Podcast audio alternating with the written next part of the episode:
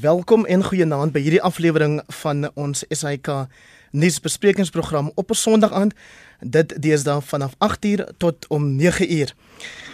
Ek moes eintlik begin deur te sê o wye en droewe land soos wat Nick die Jager ook vroeër vandag in sy program Nick uh, so goed uh, met ons gedeel het. So in ons eerste segment wat ek deesdae maak, genaamd die kommentaar kopperstamp, stel ek dan nou vanaand die kerk se standpunt of 'n geestelike standpunt oor die afgelope week se oproer teenoor die van 'n vermeende kwaadstoker.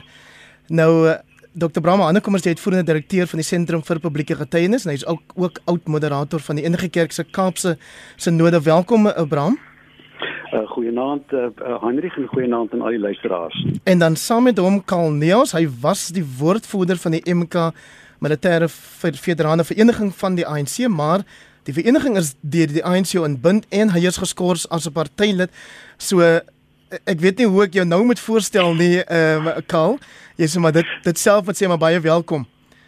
Goeienaand Heinrich, dankie dat ek kan deelneem aan hierdie gesprek. Wel MK MBA uh, het nie aanvaar dat ons geskort of dat ons ontbind word nie en in werklikheid is daar nou 'n regsproses wat binne die volgende paar dae uh aangepak sal word. So jy kan my maar nog steeds aankondig as die uh segsman of woordvoerder van MK MBA of anders kan jy my maar net noem 'n Suid-Afrikaner wat uh in oor jare heen betrokke was in die bevrydingsstryd. En 'n volbloed sal my goed pas. En 'n volbloed ondersteuner van die eerste landsburger wat skuldig bevind is aan minagting van ons konstitusionele hof Jacob Getlesle Kisa Zuma. Later kom professor Amanda Gous van die Universiteit Stellenbosch, die joernalis en skrywer Jan Jan Joubert en die direkteur van die Universiteit van Johannesburg se besigheidskool Dr. Randall Carolison aan die beurt. Jy kan jou mening vir ons SMS soos 'n paar van julle reeds al gedoen het na 45889 teen R1.50 elk. So kom ons begin dan Kaal, ek gaan jou vra om vir die luisteraar te sê wat het die week in ons land gebeur? Heinrich, dit is 'n groot tragedie wat afgespeel het die afgelope week. En wat gebeur het, het nie slegs te doen met die en hegtenisname van president Jacob Zuma nie. Dit het tot 'n baie groot mate ook te doen met die omstandighede waarin die meerderheid van die mense in Suid-Afrika hulle vandag bevind, die geweldige armoede wat ons in Suid-Afrika het, die groot gaping tussen ryk en arm en ook die konsekwensies van nou bykans 2 jaar van die COVID-19 pandemie waar mense werklik in 'n absolute afgrond van armoede ingeval het. Daar is geweldige groot desperasie En as ons praat van 'n oplossing vir die probleme en vir die geweld en alles wat gebeur het in die loop van die afgelope aantal dae wat werklik 'n swart wolk oor ons land laat hang het, letterlik en figuurlik, dan kan ons nie anders as om te praat oor die ekonomiese transformasie wat nodig is om Suid-Afrika se probleme aan te spreek. Nee, as ons nie werksgeleenthede aan mense kan gee, as ons nie die ekonomie kan transformeer sodat die meerderheid van swart mense en veral Afrikane 'n toekoms in Suid-Afrika kan vind en veral jong mense 'n toekoms in Suid-Afrika kan vind nie, dan sal hierdie soort van uitbarstings wat plaasgevind het die afgelope week sal dit en alles wat daarmee saamgaan, sal dit van tyd tot tyd voortgaan. Ons land kan nie getransformeer word en daar kan nie werklik vrede in Suid-Afrika wees as ons nie die geweldige ekonomiese uh, gebrek aan gelykheid en gebrek aan hoop wat daar vir die mense van Suid-Afrika is kan aanspreek nie. Brahman, kom as jy terugkyk op wat die week gebeur het, wat wat is dit wat deur jou gedagtes gaan? Ja, Heinrich, ons ons moet begin deur regtig net eers ons medelee uit te spreek met mense wat uh, verder vasgevang is in ellende en onsekerheid en angs. Ons het goeie kontak uh, met die streke waar die geweld losgebars het. En en ons ons moet net begin deur te sê op hierdie Mandela dag wat ons uh, uh, Madiba se gees herdenk en met hoop wil vorentoe gaan, uh, uh, moet ons aan hierdie mense dink. Ek wil begin deur te sê die kerk um, is natuurlik op hierdie stadium eintlik al 'n paar jaar jare intens bekommerd oor die armoede in in in Suid-Afrika en ons gaan sekerlik verder gesels. Ehm um, ons bekommernis is nie die armoede of net die armoede. Ons ek stem 100% saam, maar ons sal moet helder en duidelik praat oor die redes vir die armoede. As ek verder kyk na redes wat gebeur die laaste week, ehm um, ek sal oneerlik wees as ons nie uh, moet praat oor die aansteek van 'n etniese vuur nie, die beplande opstokery rondom 'n eie agenda nie, ons eie intelligensiedienste en wetstoepassingdienste wat ons gefaal het en uh, dan 'n baie interessante sosiale dinamika wat ook uh, uitspeel. En ek ek weet nie of ons tyd gaan hê om daarby uit te kom nie. Net vandag se rapport as jy Johan Rousseau se artikel lees baie baie interessante dinamika maar maar net om te sê oor armoede as ek net 'n oombliekie dieper kan gaan dan is ek klaar. Ehm um, uh, ons my hart wil breek oor armoede. Ek werk met armoede. Ek staan in plakkershuise waar daar riool deur mense se huise loop. Die die onmenslikheid, die die die onwaardigheid. Maar dan moet ek sê, 'n Heinrich 'n plundering, onbevoegdheid en hopelose beleid het die hoop van miljoene mense weggeneem die laaste dekade. Um regering kan nie werk skep nie uh regering kan poste skep wat deur belastingbetalers befonds word wat reeds die werk geskep het.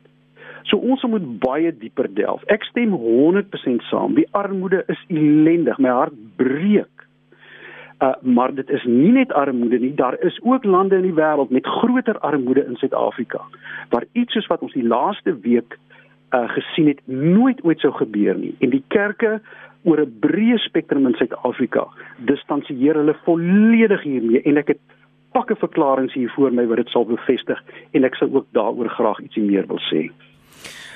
Kan ek het jou hoor sê dat daar 3 minstens 3 oorsake was van wat gebeur het die anertnisname van oud-president Zuma, die omstandighede van armoede byvoorbeeld en dan ook die COVID pandemie. Maar Vrydag met julle perskonferensie het julle gesê Oud-president Zuma is onregverdig in die tronk en sy hande is gebind om iets te doen aan die geweld wat plaasgevind het. Hy moet vrygelaat word om die nasie toe te spreek en 'n beroep op kalmte te doen. Sê julle nie daarmee dat die primêre oorsaak van wat gebeur het is wat die regering nou noem 'n aanval op ons demokrasie wat georkestreer is deur vyande van die huidige staat onder Cyril Ramaphosa nie glad nie Heinrich. Dit is nie wat ons gesê het nie. Ons het gesê dat daar 'n vonk was wat ontstaan het by 'n kruitvat as gevolg van die inhegtenisname van uh, president Jacob Zuma. Ons het ook gesê dat president Jacob Zuma 'n rol kan speel om vrede en gerusheid te bring in ons samelewing nie omdat hy betrokke daarbey was dat dit aangehits of aangestook is nie maar as gevolg van die groot ondersteuningsbasis wat hy in Suid-Afrika het. Daar is mense wat my en ander kwaliteit neem dat ons voor dat president Zuma in hegtenis geneem is gesê het dat sy arrestasie die moontlikheid inhou om onstabiliteit en moontlik selfs ook onluste te bring in Suid-Afrika. Dit beteken nie dat ons dit wou hê nie. Dit beteken ook nie dat daar onder ten minste die mense met wie ek saamwerk 'n aanhitsing vir hierdie geweld was nie, want ek wil onmiddellik en sonder enige terughouding sê dat ons totaal en absoluut gekant is teen geweld en die plundering wat ons nou gesien het. Dit is nie 'n oplossing maar dit is wel 'n simptoom van die armoede probleem en die geweldige gebrek aan leierskap wat ons in Suid-Afrika oor die afgelope periode gesien het. Laat ek net afsluit met hierdie uh opmerkinge wat ek gemaak het. As ek vir jou, as jy saam met my in 'n dinamietfabriek instap en jy haal 'n pakkie vuurhoutjies uit jou sak en jy wil 'n sigaret aansteek, jy sê Heinrich asseblief Moenie daai sigaret aansteek nie. Jy kan mos nou sien. Die plek waar ons is gaan dit tot 'n ontploffing lei. En jy gaan voort en jy steek die sigaret aan en die ontploffing gebeur. Dan kan jy mos nie omdraai en terugkom na my toe en sê omdat jy my gewaarsku het, is jy nou die persoon wat hierdie situasie geskep het nie. Dit is 'n totale fout dit is 'n argument wat glad nie water hou nie en die omstandighede wat ons nou moet aanspreek soos ons in die perskonferensie gesê het is die onderliggende ekonomiese probleme wat daar is wat aanleiding gee tot hierdie desperaatheid wat ons in ons gemeenskap gesien het. Ja, ons kan die polisie en ons kan die weermag kry om te probeer om 'n deksel op die pot te sit om te probeer om die uitbarsting te onderdruk. Maar ons sal nooit hierdie probleem opgelos kry as ons nie die fundamentele redes vir die probleem aanspreek en daardie probleme lê by die ekonomie, by die gebrek aan werklike beheer van die ekonomie deur swart en veral Afrikane en die gebrek aan regverdigheid in ons ekonomiese stelsel waar daar 'n klein groepie van baie ryk mense, so saaklik nog steeds wit en 'n massa van al hoe meer armer wordende mense wat al hoe meer desperaat word en hulle desperaatheid op verskillende wyse uitdruk. Sommige daarvan wat ook onaanvaarbaar is soos die geweld van die afgelope week. Bram, wie glo jy is verantwoordelik vir die geweld van die afgelope week? Ek jy uh, Heinrich, ek wil my nie 'n ekspert hou, ehm um, jy weet oor oor oor goed uh, waaroor die sluier nog nie behoorlik gelig is nie. Ek kan maar net sê ek het vroeg reeds in die, in die week het ek kontak uh, uh, gehad van oud ANC lede wat gesê het ons hoef nie na al die nuusberigte te luister nie. Ons ken die strategie. Ons was daar. Ook ek het hierdie dokumentasie. Ek het voorbeelde van dokumentasie. Ons ken die game plan. So en ek maar ek wil nie vir my vanaand daar daaroor uitspreek nie. Ek dink dit gaan uitspeel in die volgende dae en gaan ons duidelikheid kry op hierdie stadium uh uh lyk dit net vir my baie duidelik dat daar wel op opstokery was uh maar maar kom ons laat dit daar. Ek wil terugkom na die belangrike argument wat Kaal op die tafel sit oor die herstel van balans oor die oor die oor die skep van werk oor die herstel van armoede. En ek wil net sê Anders die kerk is glashelder daaroor. Ons is baie ernstig daaroor dat dit moet gebeur. Die frustrasie waarmee ons sit Ons het 'n ekonomie gehad met 'n 4% uh, uh, uh, uh, werkloosheidssyfer hier aan die begin uh, van die draaiwending van die millennium. Ons het gehad 26% skuld. Die werkloosheid het vertiendubbel, die die die skuldlas het verdriedubbel. Ehm um, en en dan vra jy jouself af, is dit nou maar net 'n paar ryk mense wat vashou aan hulle geld? Nee, Heinrich, daar's ingewikkelder goed. En kom ek kom ek noem vir jou 'n paar. Ons is die laaste paar jaar is ons reeds met ernstige navorsing besig oor armoede. Uh beleid en ek het reeds verwys na beleid in samelewingsstrukture wat deur daai beleid geskep word. Onderwys en opvoeding, ek sluit in daarbey civil education. Ek ek gebruik die woord opvoeding. Ons ek was ek was hierdie maand nog by skole wat nog nie boeke ontvang het nie ons sit met 'n morele inplonsing en nou is ek nie 'n ou dominee wat praat nie. Ek sê dit nou sommer reguit soos wat dit is. Ons sit met 'n morele inploffing in die land. Jy jy jy jy steel nie 'n land ryk nie Heinrich. Jy jy werk dit met dissipline en integriteit en hardwerkendheid Uh, ons sit met 'n met 'n stikkelende siege en daar wil ek wil ek saamstem. Ek dink Kaal gaan my saamstem. Mense is getraumatiseer in Suid-Afrika. Ons sit nie net met met uh, posttraumatiese stres nie. Ons sit met voortgaande traumatiese stres. Maar op hierdie stadium oor die ganse spektrum van Delft verby verby ons boere tot in die Middellande in in KwaZulu-Natal reg oor Suid-Afrika en daaraan moet gewerk word. Maar dan die heel belangrikste is die gebrek aan sosiale vertroue uh, wat ons in hierdie land het, die gebrek aan sosiale kohesie. Die navorsing is glashelder. Minder sosiale kohesie, armer. Meer sosiale kohesie, ryker.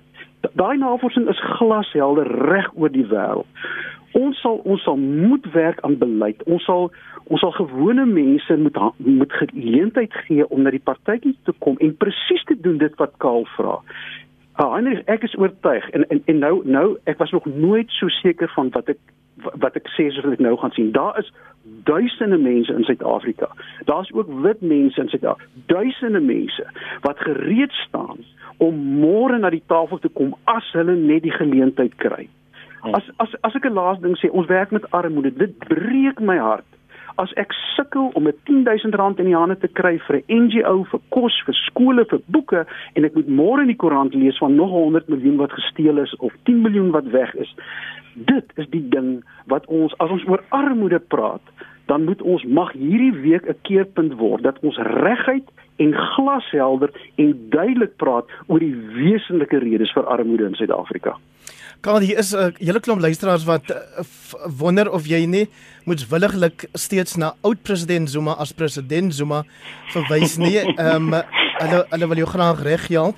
En dan ehm, 'n um, luisteraar wat vra wat sê ek moet vir jou vra hoe dit wat ons die afgelope week gesien het enige iemand help en veral hoe dit die armes help. Laat ek eerstens verduidelik Heinrich, uh binne die ANC is daar 'n gebruik dat daar nie verwys word na vorige presidente as oud presidente nie. So dit is nie net president Jacob Zuma na wie ons verwys as president nie, maar ook president Thabo Mbeki, ook president Nelson Mandela. Uh so dit is maar gebruik binne die ANC en dit is nie moetswilligheid nie. Natuurlik help wat die afgelope week gebeur het in terme van geweld en terme van plundering ons glad nie in Suid-Afrika nie. En dit help ook nie om die armoede probleem op te los nie. Ek stem heeltemal met daardie luisteraar saam wat sê dat dit nie help nie. Maar dit dui wel vir ons aan wat die groot probleem is waarmee ons te doen het. Jy weet, Uh, as ek maar net vinnig kan opsom weer, die desperaatheid wat mense voel en ek praat nou van mense wat absoluut arm is wat onder nou, die broodlyn leef. Ja, Karl, ek wil ekskuus man, ek ek wil jou nou met met hmm. met regtig met respek vra om nie te hmm. herhaal wat jy reeds twee keer nee, gesê het nie. Nee, ek gaan nie herhaal wat ek reeds gesê het nie, maar ek wou 'n punt gemaak het baie vinnig. Graag. En dit is oor desperaatheid.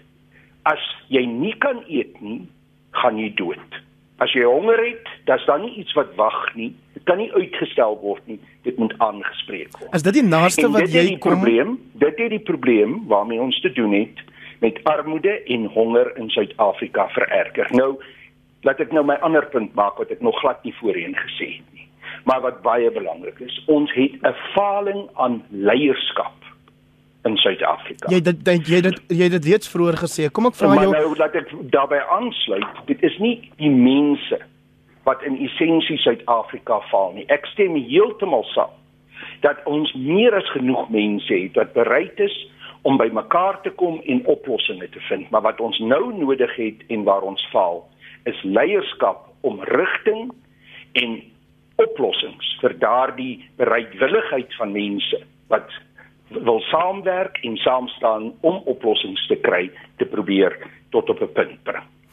Is dit die naaste wat jy vanaand gaan kom daaraan om die geweld van die afgelope week in die plundering te veroordeel en om simpatie te betoon met die lewensverlies van families wat betrokke was of nie? Ek is absoluut geskok oor die plundering en lewensverlies en my simpatie gaan uit na elkeen wat iemand 'n familielid of 'n vriend of 'n vriendin verloor het in hierdie geweld. Ek is ook geskok en uiters besorg oor die gevolge van die verbranding van die verplundering van van infrastruktuur en van fabrieke en van winkels. Alles daarvan is onaanvaarbaar. Maar aan die einde van die dag kan ons nie net ons uh ongelukkigheid daaroor uitspreek nie. Ons moet terugkom na wat die probleem is en wat die onderliggende redes is vir hierdie geweldige groot uh situasie van van geweld en van onsekerheid wat ons land op die oomblik in die gesig staar. Ons tyd is ongelukkig verstreke, maar ek gaan vir elkeen van julle 30 sekondes gee. Ek wil julle nie in die rede val nie, so asseblief net 30 sekondes om vir ons te sê wat het ons die afgelope week geleer uit die gebeure in ons land. Uh, jy eerste asseblief Bram. Heinrich, um, ons het uh, geleer wat ons nie wil hê nie en ons het 'n aardige kant van Suid-Afrika gesien. Maar wat ons ook gesien het, is die hoop mense wat bymekaar kom, die mooiste stories Uh, ek wens ons het tyd gehad dat ek vir julle kon vertel wat regtig in die geloofsgemeenskap in Suid-Afrika op die oomblik aan die, aan die gang is. Wie om distansieer van die geloofskyk in, in gemeenskap in Suid-Afrika op hierdie punt nou vind homself so in die ou apartheidsdae teen die breë kerk wat opgestaan het en gesê het nee, ons moet dit helder en duidelik sê. Daar is hoop, daar is energie en ons gaan vorentoe kom as ons die regte goed aanspreek en van nou af by die naam begin noem. Karl, jou 30 sekondes asseblief ter afsluiting. Ons moet wanneer daar waarskuwings is dat foute gemaak word, ons luister na daai waarskuwings. Ons moet ook seker maak dat ons staatsinstellings nie uitgebuit word vir partytetiese en faksionele doeleindes nie, want dit skep onsekerheid en dit skep 'n situasie van van van opwelling van emosie en uiteindelik tot 'n situasie van 'n gebrek aan 'n uh, eh, gelykmatigheid wat dit vir ons moontlik maak om wel te werk vir vrede. Ons moet nou by mekaar kom en ons moet die werklike ekonomiese uitdagings wat ons in die gesig staar aanspreek. Ons moet bereid wees om leierskap te toon om werklik fundamentele ekonomiese transformasie in Suid-Afrika aan te spreek. Baie dankie Deran Kalneus van sê hy steeds die MK Militêre Vereniging van die ANC en Dr Bram Hannekomme die hoof van die Sentrum vir Publieke Getuienis was saam met hom my eerste gaste vanaand op kommentaar. Ek sê vir julle albei verskriklik baie dankie vir julle tyd. Baie dankie. En ek stel nou graag vir professor Amanda Gous aan die woord. Sy is 'n dosent in politieke, 'n uitgeleese prof, professor in politieke wetenskap aan die Universiteit Stellenbosch. Baie welkom aan jou Amanda. Goeienaand Heinrich en goeienaand aan die luisteraars. Saam met daar vanaand vir die eerste keer hier op kommentaar vir welkom ek vir Dr. Randall Carolison. Ek weet jy of jy nou al die titel uh, van professor gekry het nie Randall daar by die Johannesburg Universiteit van Johannesburg se besigheidskool. Baie baie welkom. Ja, nee, baie baie dankie vir die geleentheid. Ons sal later praat oor die professorskap. En dan uh, Jan Jan Joubert, bekende joernalis en skrywer. Dis lekker om jou ook weer terug te hê op die program. Baie lekker om hier te wees. Goeienaand aan al die luisteraars, goeienaand aan die paneellede. Ek gee dan vir ons nuwe deelnemer 'n eerste kans om vir ons te sê of jy dink Randall die afgelope week het ons 'n opstand van armoede of anargie in ons land gesien. Wel, ons het uh, ek het geluister na die, die die vorige deel van die program. Kyk, dit was 'n perfekte storm wat oor nou 'n paar jaar opgebou het. Ek meen daar's geen twyfel dat ons die baie 'n uh, progressie gemaak het om ons mense se lewensstandaard te verhoog. Nee, men mense dit stat die statistiek bestaan af om te, om om te sien. Maar wat ek uh, besonder vindingryk vind is dat daar net na daardie deel verwys word. As jy kyk na die volledige prentjie, dan sien jy dat daar was 'n doelbewuste poging geweest om ons uh, gesags magte te, te ondermyn en te omgooi. Ek meen daar's geen geen twyfel in my as kyk na die sosiale media dat daar doelbewuste aan het sê was. Daar was doelbewuste uh uittarting selfs en daar was doelbewus petrol opgegooi op 'n smeerende vuur. Die vuur wat ons nou beskryf het met ons nou lank oor gesels het. So uh, dit is mense wat die reg wil omseil en hulle geen uh geen waardering vir wat die skade wat hulle doen aan menswees en aan lewens en aan eiendom en in die beeld van ons land nie.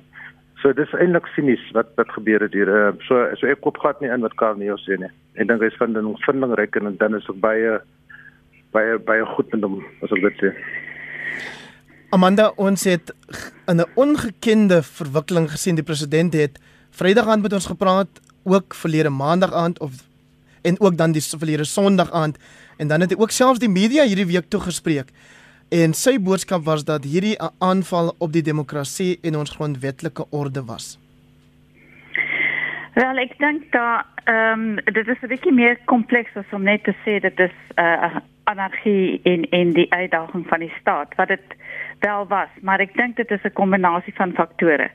Uh in die eerste plek was dit die ehm um, ontevredenheid oor uh, oor Zuma die tronk is deur sy ondersteuners. Um en dan blyk dit ook dat dit georkestreer is deur uh, mense wat byvoorbeeld in die vorige uh, uh onder sy tydperk in die uh, uh, nasionale intelligensiediens was. Maar ons sit op 'n kruip kruitvat. As ons kyk dat die 50% van die Suid-Afrikaanse bevolking is onder die ouderdom van 30 jaar. Wat beteken dit is jong mense wat uh, sosiaal en ekonomies uitgesluit is. Die meer omtrent 2/3 van hulle is werkloos. 'n uh, Party van hulle het het opleiding, maar hulle kry nie werk nie en ek dink daar's 'n gesprek wat nodig is oor jong mans. As ons kyk na wie was die mense wat wat geloot het, net dit was uh jong mans en jong vrouens. So daar is 'n gesprek nodig oor wat gaan gebeur met hierdie generasie van mense ehm um, as gevolg van armoede en sosiale uitsluiting. Ehm um, maar dit was ook definitiewe ekonomiese sabotasie en uh die feit dat uh strategiese uh punte aangeval is uh radiokommunikasiediens, watersuiveringsdienste uh en en infrastruktuur. Ek dink daar's uh, en ek dink wat vir my tot groot kommer uh lei is dat daar is baie studies gedoen oor ehm um, protes in Suid-Afrika en en ek wil spesifiek verwys uh, die boek van Tevin Reddy wat 'n professor by UCT is, uh, die Universiteit van Kaapstad. Waar hy praat oor die feit dat dat as 'n mens mense behandel asof hulle lewens niks werd is en geen betekenis het nie, dan moet ons nie nie verbaas wees as hulle op 'n dag optree soos wat hulle opgetree het nie. En hy praat van die feit dat die ANC het dominasie, maar dit het nie hegemonie nie. En wat dit beteken is dat hegemonie beteken dat jy het 'n 'n 'n stel waardes en en kulturele simboliese ingesteldheid waar uh, meer almal soort van kan uh, hulle kan daar hulle kan hulle self daar meer vereenselwig. Met ander woorde jy jy jy aanvaar daai stel kulturele waardes en en so aan en dit natuurlik ehm um, het die ANC nie so al wat hulle kan doen is om met met dominasie en met brute mag dan te regeer wat wat hulle ook nie reg kry nie. En ek dink dan om om mee af te sluit is dat die leierskap beide die ANC maar ook ander politieke partye almal van hulle het ons geval. Daar is geen morele autoriteit gewees in die leierskap in hierdie afgelope week nie. Sou ons Jan Jan vanaand 'n gesprek gehad het oor al hierdie sosio-ekonomiese kwessies as dan nie 'n vuur brand gesteek is deur die Zuma ondersteuners nie. Ehm um, waarskynlik nie Heinrich want ons gesels maar oor die oor die nuus van die week, maar ons sou kon daaroor praat want dit is algemene probleme, maar niks van hierdie probleme wat uiteengesit is deur die eerste twee deelnemers voordat ons nou opgekom het of deur um, ons paneel of myself kan regverdig wat hier gebeur het nie. Jy weet, daai die grootste deel van hierdie um, geweld en vernietiging het plaasvind in die gebied waar ek groot geword het. Dit is um, die gebied tussen Durban en Pietermaritzburg. En laat ek sê in ons gemeenskap, Afrikaanse gemeenskap van Pinetown, is al veral onder die mense wat in klein sake en on, ook um van die mense wat werklik groot besighede het want um daar's van die Kloof Hillcrest Westville areas is daar baie van die vooraanstaande nywerheids wat maar daar woon. Um het het werklik alles verloor Heinrich. Um dis 'n dis absoluut verskriklik. So mense hoop maar net dat daar 'n mate van versekerings uitbetaling gaan wees. Ek dink ook dat um hierdie um week het die selfvertroue van ons demokrasie ongelooflik geskok en miskien vir altyd geskok. Jy weet ek dink um ek dink nie mense het gedink dit kan so erg gaan nie. Dan um dink ek natuurlik moet daar kyk word na die spioene um en die polisie se mislukking, die weermag wat daarin in 'n groot mate sukses gehad het toe hulle inkom toe raak dit beter. Um dan ook um die um Die feit dat dit nie versprei het buite die oorwegend Zulu sprekende dele van die land nie was vir my vreemd. Um KwaZulu-Natal en dan die Johannesburg Wesrand Oosrand gebiede wat almal um, oorwegend Zulu is, niks anderster eintlik om van te praat nie, selfs nie eens Magashule se Vrystaat nie. Dan um die raskwessie, um ek dink daar was min raskwessie, maar dit lyk of daai altyd problematiese verhouding tussen Indeer en Zulu nou weer op 'n laagtepunt is. Ek weet in 1949 en 1960 was al baie groot opstande en laastens as net polities kan kyk daarna uh, na watter partye het hier gewen en verloor in die aanloop tot die verkiesing dink ek die groot verloder was die EFF. Um hulle het aanvanklik met die hofuitspraak en so aan die regte kant gestaan en die oomblik toe die anargie begin toe Julius Malema besluit om hom aan die kant van die skurke te te plaas. Ek moet sê die res van sy party was redelik stil daaroor, maar hy is die leier en ek dink hulle gaan 'n swaar prys betaal in die verkiesing. Dan die ANC dink ek het nie great gedoen nie. Die DA het baie goed gedoen dink ek veral um hy gaan baie indeerstemme bykry en ek dink die witstem gaan redelik regs swaai uh, so dit kan dalk by die DA verby na die Vryheidsfront toe gaan. Rendel sê die minister van verdediging Nosiviwe Mapisa Ngakula sê vir ons daar is nog nie bewyse dat dit 'n staatsgreep was nie, maar terselfdertyd sê die minister van staatsveiligheid Ayanda Dlodlo dat daar 'n hele paar teikens was soos substasies byvoorbeeld en hulle kon nou betyds vir Eskom daarteen waarsku. Is dit dan op die minste hoogverraad wat ons hier sien gebeur het die afgelope week? Ek sou liewer dit beskryf as sedisie. Ehm um, uh, en ek speur redig hier. As 'n uh, staatsgreep word dan maandag vooraf gegaan deur die oorneem van uh jy weet van die van die weermag of van die uh van die magte. En ek dink nie da dit was dit was so beplan. Ek dink die beplanning was om die ANC oor te vat. En as die ANC wat wyfelend is op die oomblik met, met verskillende faksies en tussengevegte dan weer sou beland in die in hierdie uh, sekere faksies se hande, dan het hulle dan die absolute mag gehad om ministers weer te te ontplooi en herontplooi. So ek dink dit is uh, dit is gewees om die ANC te toets en natuurlik ook uh, president Ramaphosa se hyderigheid veral oor Marikana dit ook te toets. So ek dink die mense was totaal bereid geweest om so ver te gaan om 'n bloedbad te veroorsaak. Uh en en ek dink ons apatiese uh ons ons apatiese houding en die die die die die die, die swak uh, uh, respons uh, van van ons verdedigingsmagte is is is as 'n gevolg van ons gedesensitiseer. Sorry, ons gedesensitiseer oor die jare. Kyk ons ons het dan begin lewe met met met protesoptogte, selfs statistieke opgeneem en dit het amper genormaliseer. Maar met al hierdie verskillende storms wat so bymekaar kom, die pandemie, die infrastruktuur wat ondergaan, die die onderwysstelsel wat in sy uh wat in, wat wat besig is om in mekaar te val, die infrastruktuur wat, wat in mekaar val, korrupsie, die die uh die die sonderkommissie, al die tipe goed natuurlik het opgebou na sodat ek beskou as 'n perfekte storm. En ek dink dat iets wat die Suid-Afrikaners onderskat. Ek dink wat Suid-Afrika gered het, was die groeiende volwassenheid van die Suid-Afrikaanse samelewing. Want die arme mense begin al meer te besef dat hulle is pionne in hierdie in hierdie in, in hierdie hele spel. En dat aan die einde van die dag hulle die prys sal betaal. En ek dink dit is hoekom dit nie verder versprei het nie. Dr. Randall Carolison is die direkteur van die Universiteit van Johannesburg se Besigheidsskool. Neem vanaand vir die eerste keer deel aan kommentaar saam met hom professor Amanda Gous van die Universiteit Stellenbosch en Jan Jan Joubert. Amanda, so dink jy dat die president en ons veiligheidsmagte word op 'n manier ehm um, lam gelê deur die vrees vir nog 'n Marikana? Ek dink dit is um, een een aspek daarvan. Maar ek dink ons moet ook vir, hoekom die staat so ehm um, daar's 'n kring kringsheid. Hoekom die staat so lank gevat het om op te tree en dit is duidelik dat die ehm um, die die intelligensie nie by die staat uitgekom het nie. So ons moet ons moet vra wie in beheer van die intelligensie is. So dit was 'n baie stadige optrede en uh, uh heeltemal te laat die en ons moet vra wat die risiko-analise was. Hoekom jy by 2500 soldate en dan 'n dag later dan sê jy nee dis eintlik 25000. Daar's 'n groot gaping tussen daai twee getalle. So so wie doen die risiko-analise? Ehm um, en en die die, die president self het te lank gewag om om op te tree.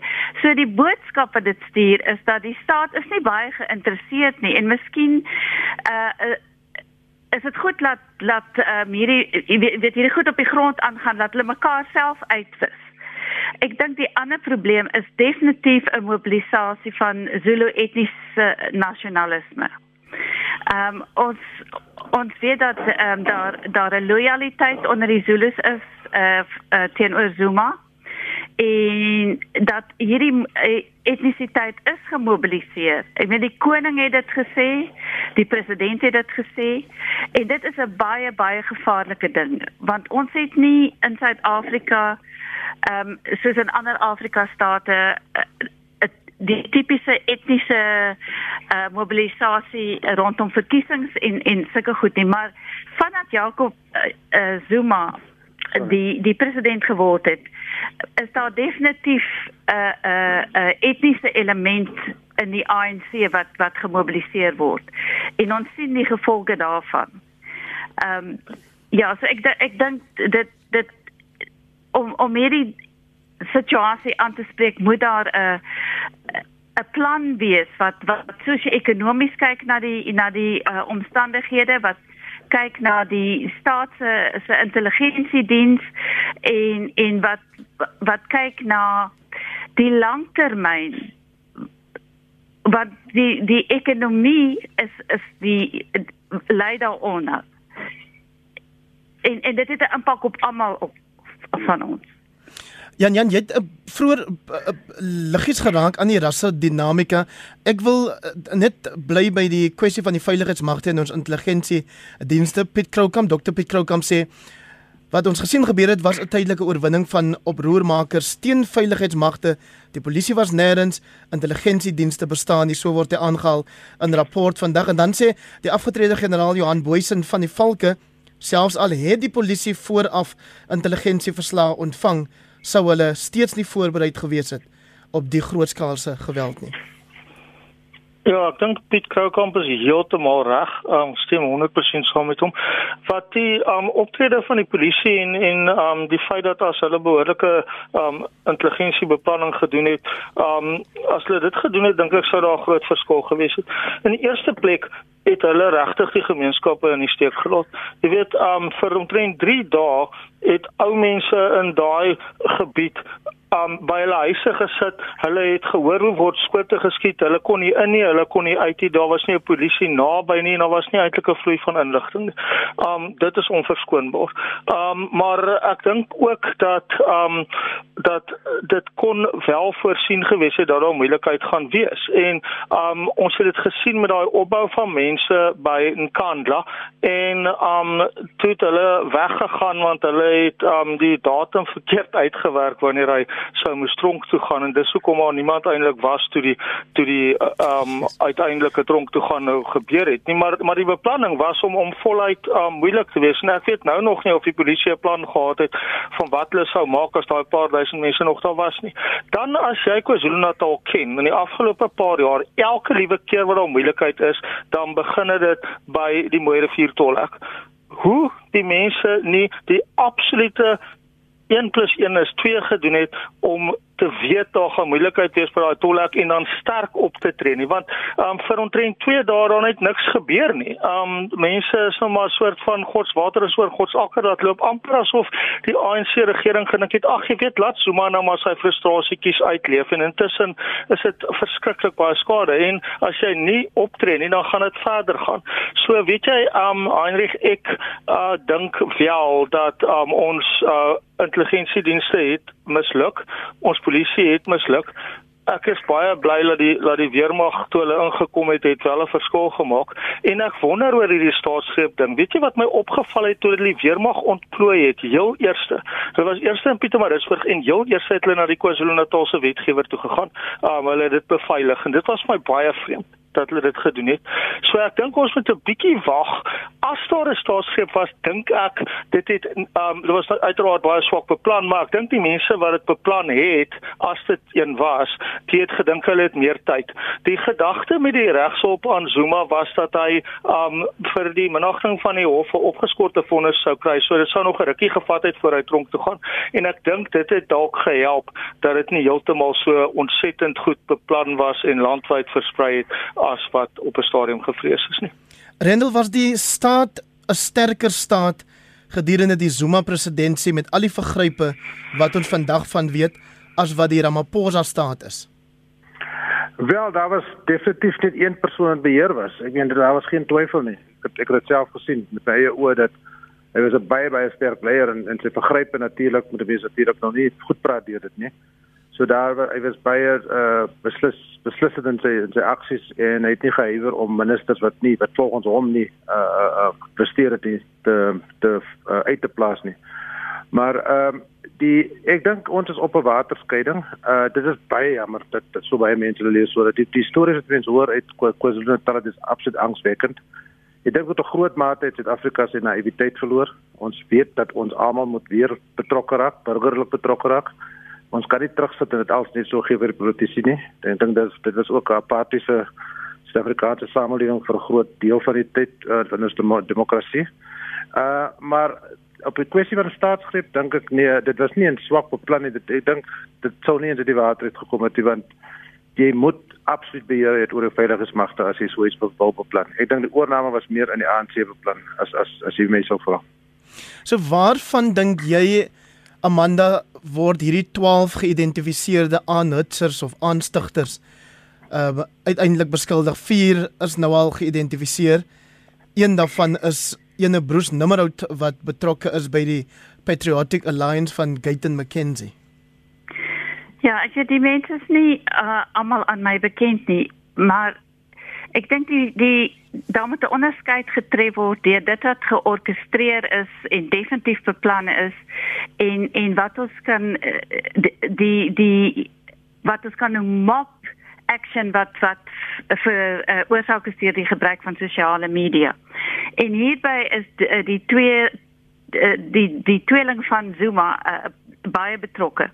En hulle was definitief uh, aanstigters tot geweld. Ehm um, en hulle het selfs uh, foto's van president Zuma of van president Ramaphosa versprei uh, wat wys hy hy sy liggaam met koelgate in.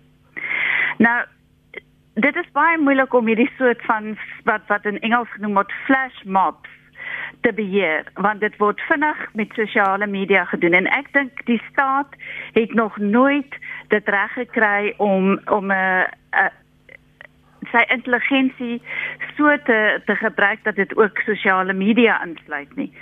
So ek, glo dit as mense sê dit was baie moeilik om te weet wat gaan gebeur want dit het so vinnig gebeur en dit was deur sosiale media georkestreer. Maar die aanstigting van geweld ehm um, deur sosiale media. Ek dink van die mense wat geïdentifiseer is, is hierdie mense wat uh sosiale media gebruik het soos die, die Zuma tweeling. Maar dan is daar ook uh Tulani Idlomo wat uh van tevore in die nasionale intelligensiediensie was. So wat is sy rol? Ehm um, en hoeveel ander is daar wat in die uh, intelligensiediens was? Uh en hoeveel van van hierdie mense is ook bondgenote van Ysmagashule want ek dink daar is ook 'n groot saak vir uit te maak dat hy ehm uh, moet probeer om homself terug te kry in 'n in 'n magsposisie en wat beter manier om dit te doen as op hierdie manier. Uh, Randall, uh, ekskuus Jan Jan, jy het nou gepraat. Dan moet ek vir Randall weer 'n beurt gee, jammer.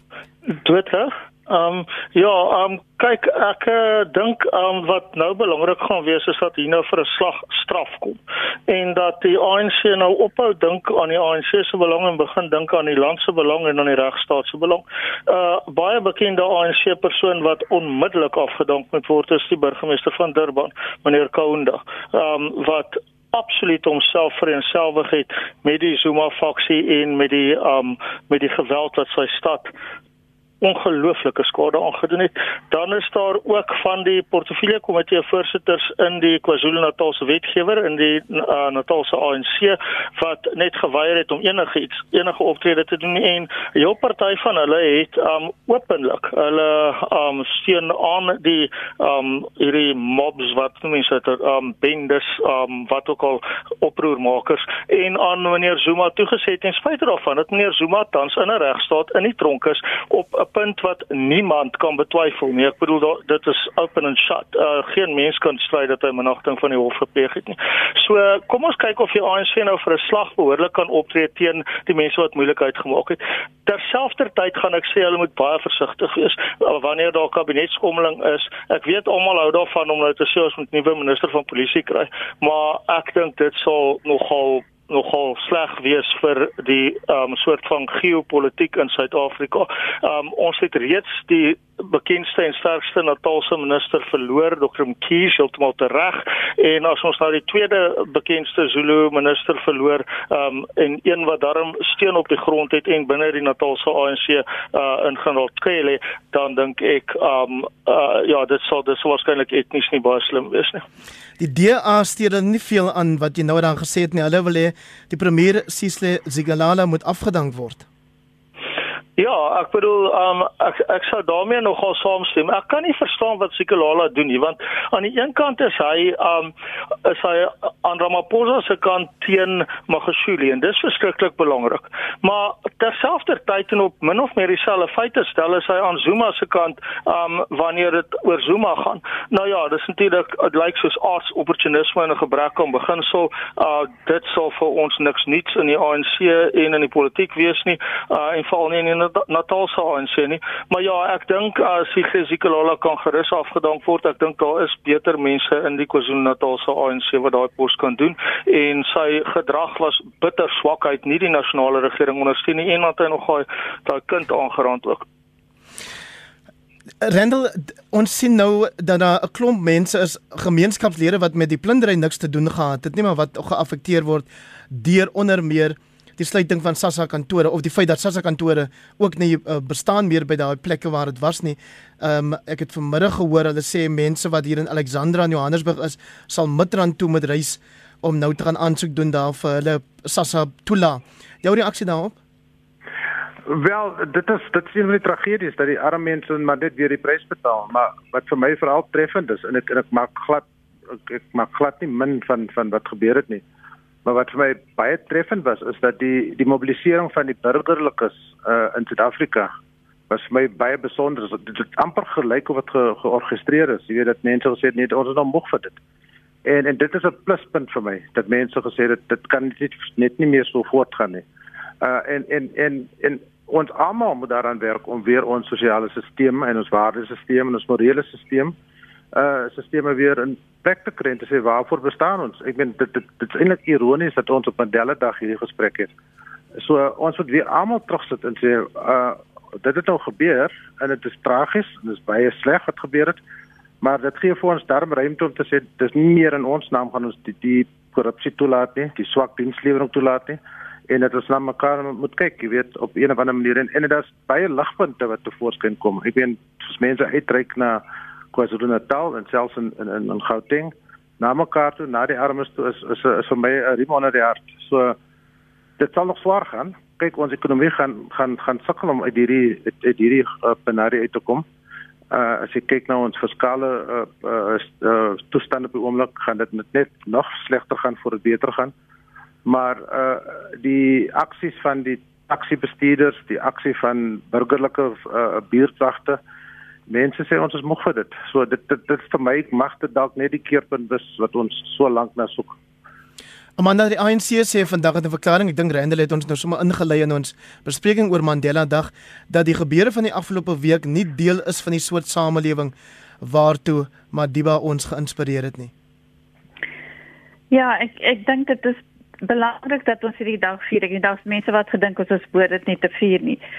Maar Mandela het vir ons 'n voorbeeld gestel van 'n uh, 'n leier wat 'n uh, morele gesag gehad het. En en dit is baie belangrik dat ons ook dink aan aan die onderhandelinge wat gelei het tot hierdie demokrasie. Maar ek dink ons moenie onsself blind staar dat ons net die die nasie is wat wat hy wou gehad het nie. Ons is 'n nasie van mense wat wat ehm um, plunder, ons is 'n nasie van mense wat xenofobies is, ons is 'n nasie van mense wat rassisties is en ons is 'n nasie van van mense wat goed met mekaar oor die weg kan kom in gemeenskappe. Meen dit was om te kyk na die die videomateriaal oor hoe die opruimings plaasvind. Daar mense oor rasgrense heen het kom skoonmaak. Maar maar die punt is dat ons uh, sedert 1994 nooit iets gedoen het aan die sielkundige skade wat mense gelei het as gevolg van kolonialisme, apartheid, ehm um, wat wat stelsels was van wat mense ehm um, uitgesluit het sosiaal en ekonomies. En ons het gedink ons kan net oorgaan na 'n uh, dem demokrasie en ons kan ehm um, al al daai trauma gaan vergeet raak.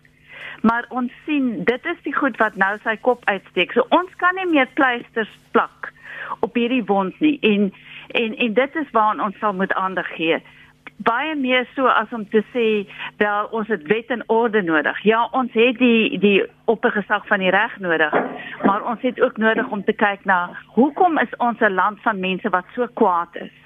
Ons is woedend. Die die plunderaars was woedend. Die die mense wat nou uh aan die aan die ontvangkant staan van die feit dat uh mense kom uit hulle woonbuurte na woonbuurte waar daar nog kos is en mense sê maar weet dit gaan alles nou oor oor rasseprofilering julle woon nie hierdie so julle kan nie ons kos kry nie. Al daai goed het te doen met met die geografiese uh dimensies van apartheid wat nog steeds bestaan en ons het baie min gedoen om die geografie van apartheid te verander. Sou jy ook so ver gaan uh Jan Jan? Sou wou verduidelik wat ek dink Amanda bedoel want ek dink ek stem saam met haar maar ek kon amper hoor hoe ons luisteraars hulle oorrol toe hulle hoor oor kolonialisme en daai tipe van ding.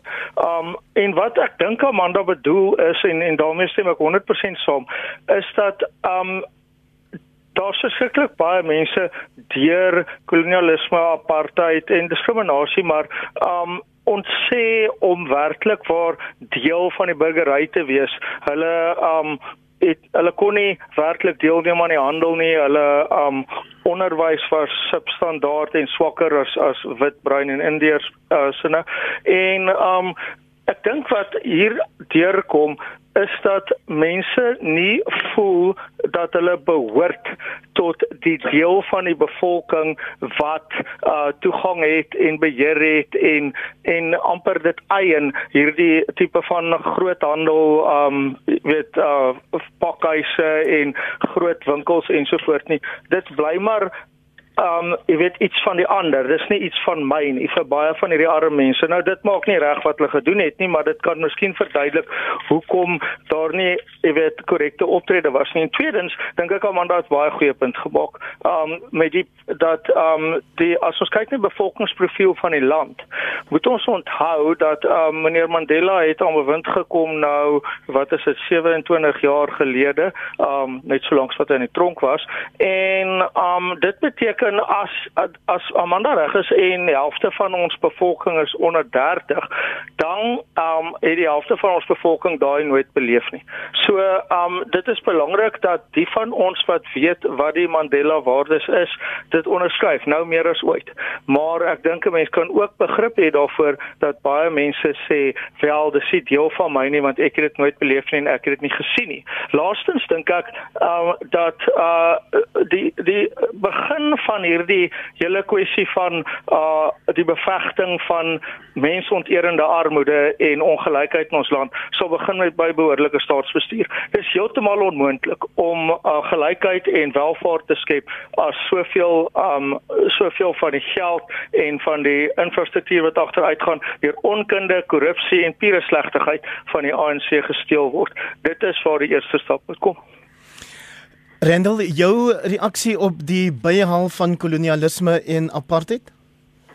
Ek dink dit raak 'n bietjie uitgedien. Ehm um, ons is al 24 jaar in ons demokrasie en as jy vat hoeveel geld was belê of uit, uitgesit vir byvoorbeeld die pandemie en hoe daai geld net verdwyn het. Ek meen dit is skokkend. Uh, as jy vat hoeveel geld verdwyn het as gevolg van swak uh, beplanning en investering in infrastruktuur.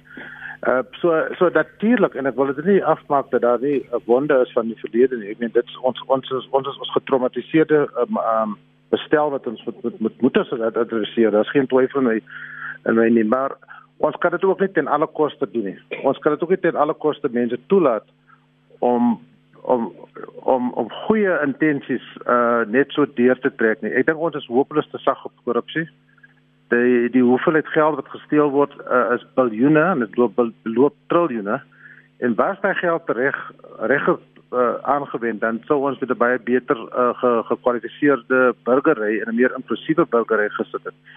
Ek meen die die feit dat ons nog latrines het by skole en dat ons slaagsyfers so laag is en al daai daai goed wat verhoed wens om om om om om om toetreffend uh, ekonomiese burgers te raak. Uh, moet ons aanspreek. Ek dink ons het ons het al deur die jare het ons al so uh immuun geraak teen korrupsie dat ons skryf dit af as 'n norm, normale Afrika land en ek dink nie ons moet dit doen nie. Hey, ek hoor baie keer dat dit dit is Afrika en dis maar hoe dit gaan. Ek dink ons het 'n hoër standaard wat ons moet na aan daarf en ons moet dit uh ons moet veg. Ons almal moet veg vir dit. Nie net nie net die politici nie. Ons te veel oorgelaat aan die politici en ons as die burgery en as uh, ek het 'n woord geleer uh moet baie meer aktief betrokke raak. Ek kan onthou in die jare van die, van van die voor 94 hoe gewone mense in die strate geveg het en en en hulle kinders uh die beste probeer het wat wat hulle kon.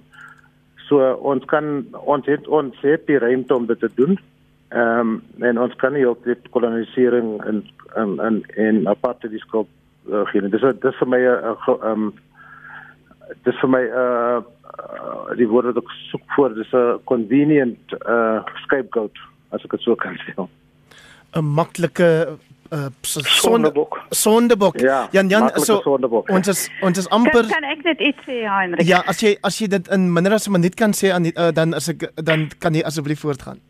Ja, nee, ek wil net duidelik stel dat ek dit nie geblameer het op apartheid en kolonialisme nie, maar ek sê daar is wonde wat kom van uitsluiting, mense wat nooit werklik ingesluit is nie.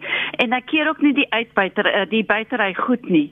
Maar ek dink as ons nie kyk na die sieges van mense nie, as jy gaan luister na die stories wat daai buiters vertel oor hoekom hulle byt, dan gaan dit nie oor die net om te plunder nie. Dit gaan oor wat hulle nodig het en dat hulle honger is en dat hulle gesinne het om aan die gang te hou en ons het hier deur 'n pandemie het meer en meer mense hulle werk verloor. So ons moet kyk na wat dit doen aan die sieges van mense. 'n Laaste reaksie van jou Jan Jan? Ja, ek stem saam met Amanda. Um en ek dink mense moet haar nie verkeerd verstaan nie. Um sy het dit nou verduidelik soos wat ek dit verstaan het, naamlik dat um dis gevoel van uitsluiting van nie deel wees van die hoofstroom nie ensovoort. En nogmaals, die manier om dit reg te stel is vir hierdie staat om op te hou steel en nie weer allerhande welvarende mense te blameer nie. Welvarende mense betaal belasting laat hulle hak. Maar wat word van daai belasting? Dit moet dit moet um gebruik word vir 'n behoorlike onderwysstelsel, behoorlike behoorlike welsynstelsel, behoorlike um, geleentheid vir mense om vooruit te gaan, uh, nie gesteel word nie. So nou wag ons vir straf om uitgedien te word aan um, aan top ANC mense eerder as dit nou maar net weer onder die mat gevee word. En so het dit tyd geword om Kobai te sê Joop vanaand se kommentaar. Baie dankie die laaste stem daar die van Jan Jan Joubert skrywer en politieke joernalis en saam met hom vanaand Dr. Randall Carolison wat die nuwe hoof is van die Universiteit van Johannesburg se besigheidskool en dan ook saam met hulle professor Amanda Gous. Baie dankie aan julle al drie vir julle deelname vanaand. En uh, baie dankie ook dan aan Dr. Bram Hannekom en Karl Neus wat die eerste deel van ons program vanaand hulle sê gesê het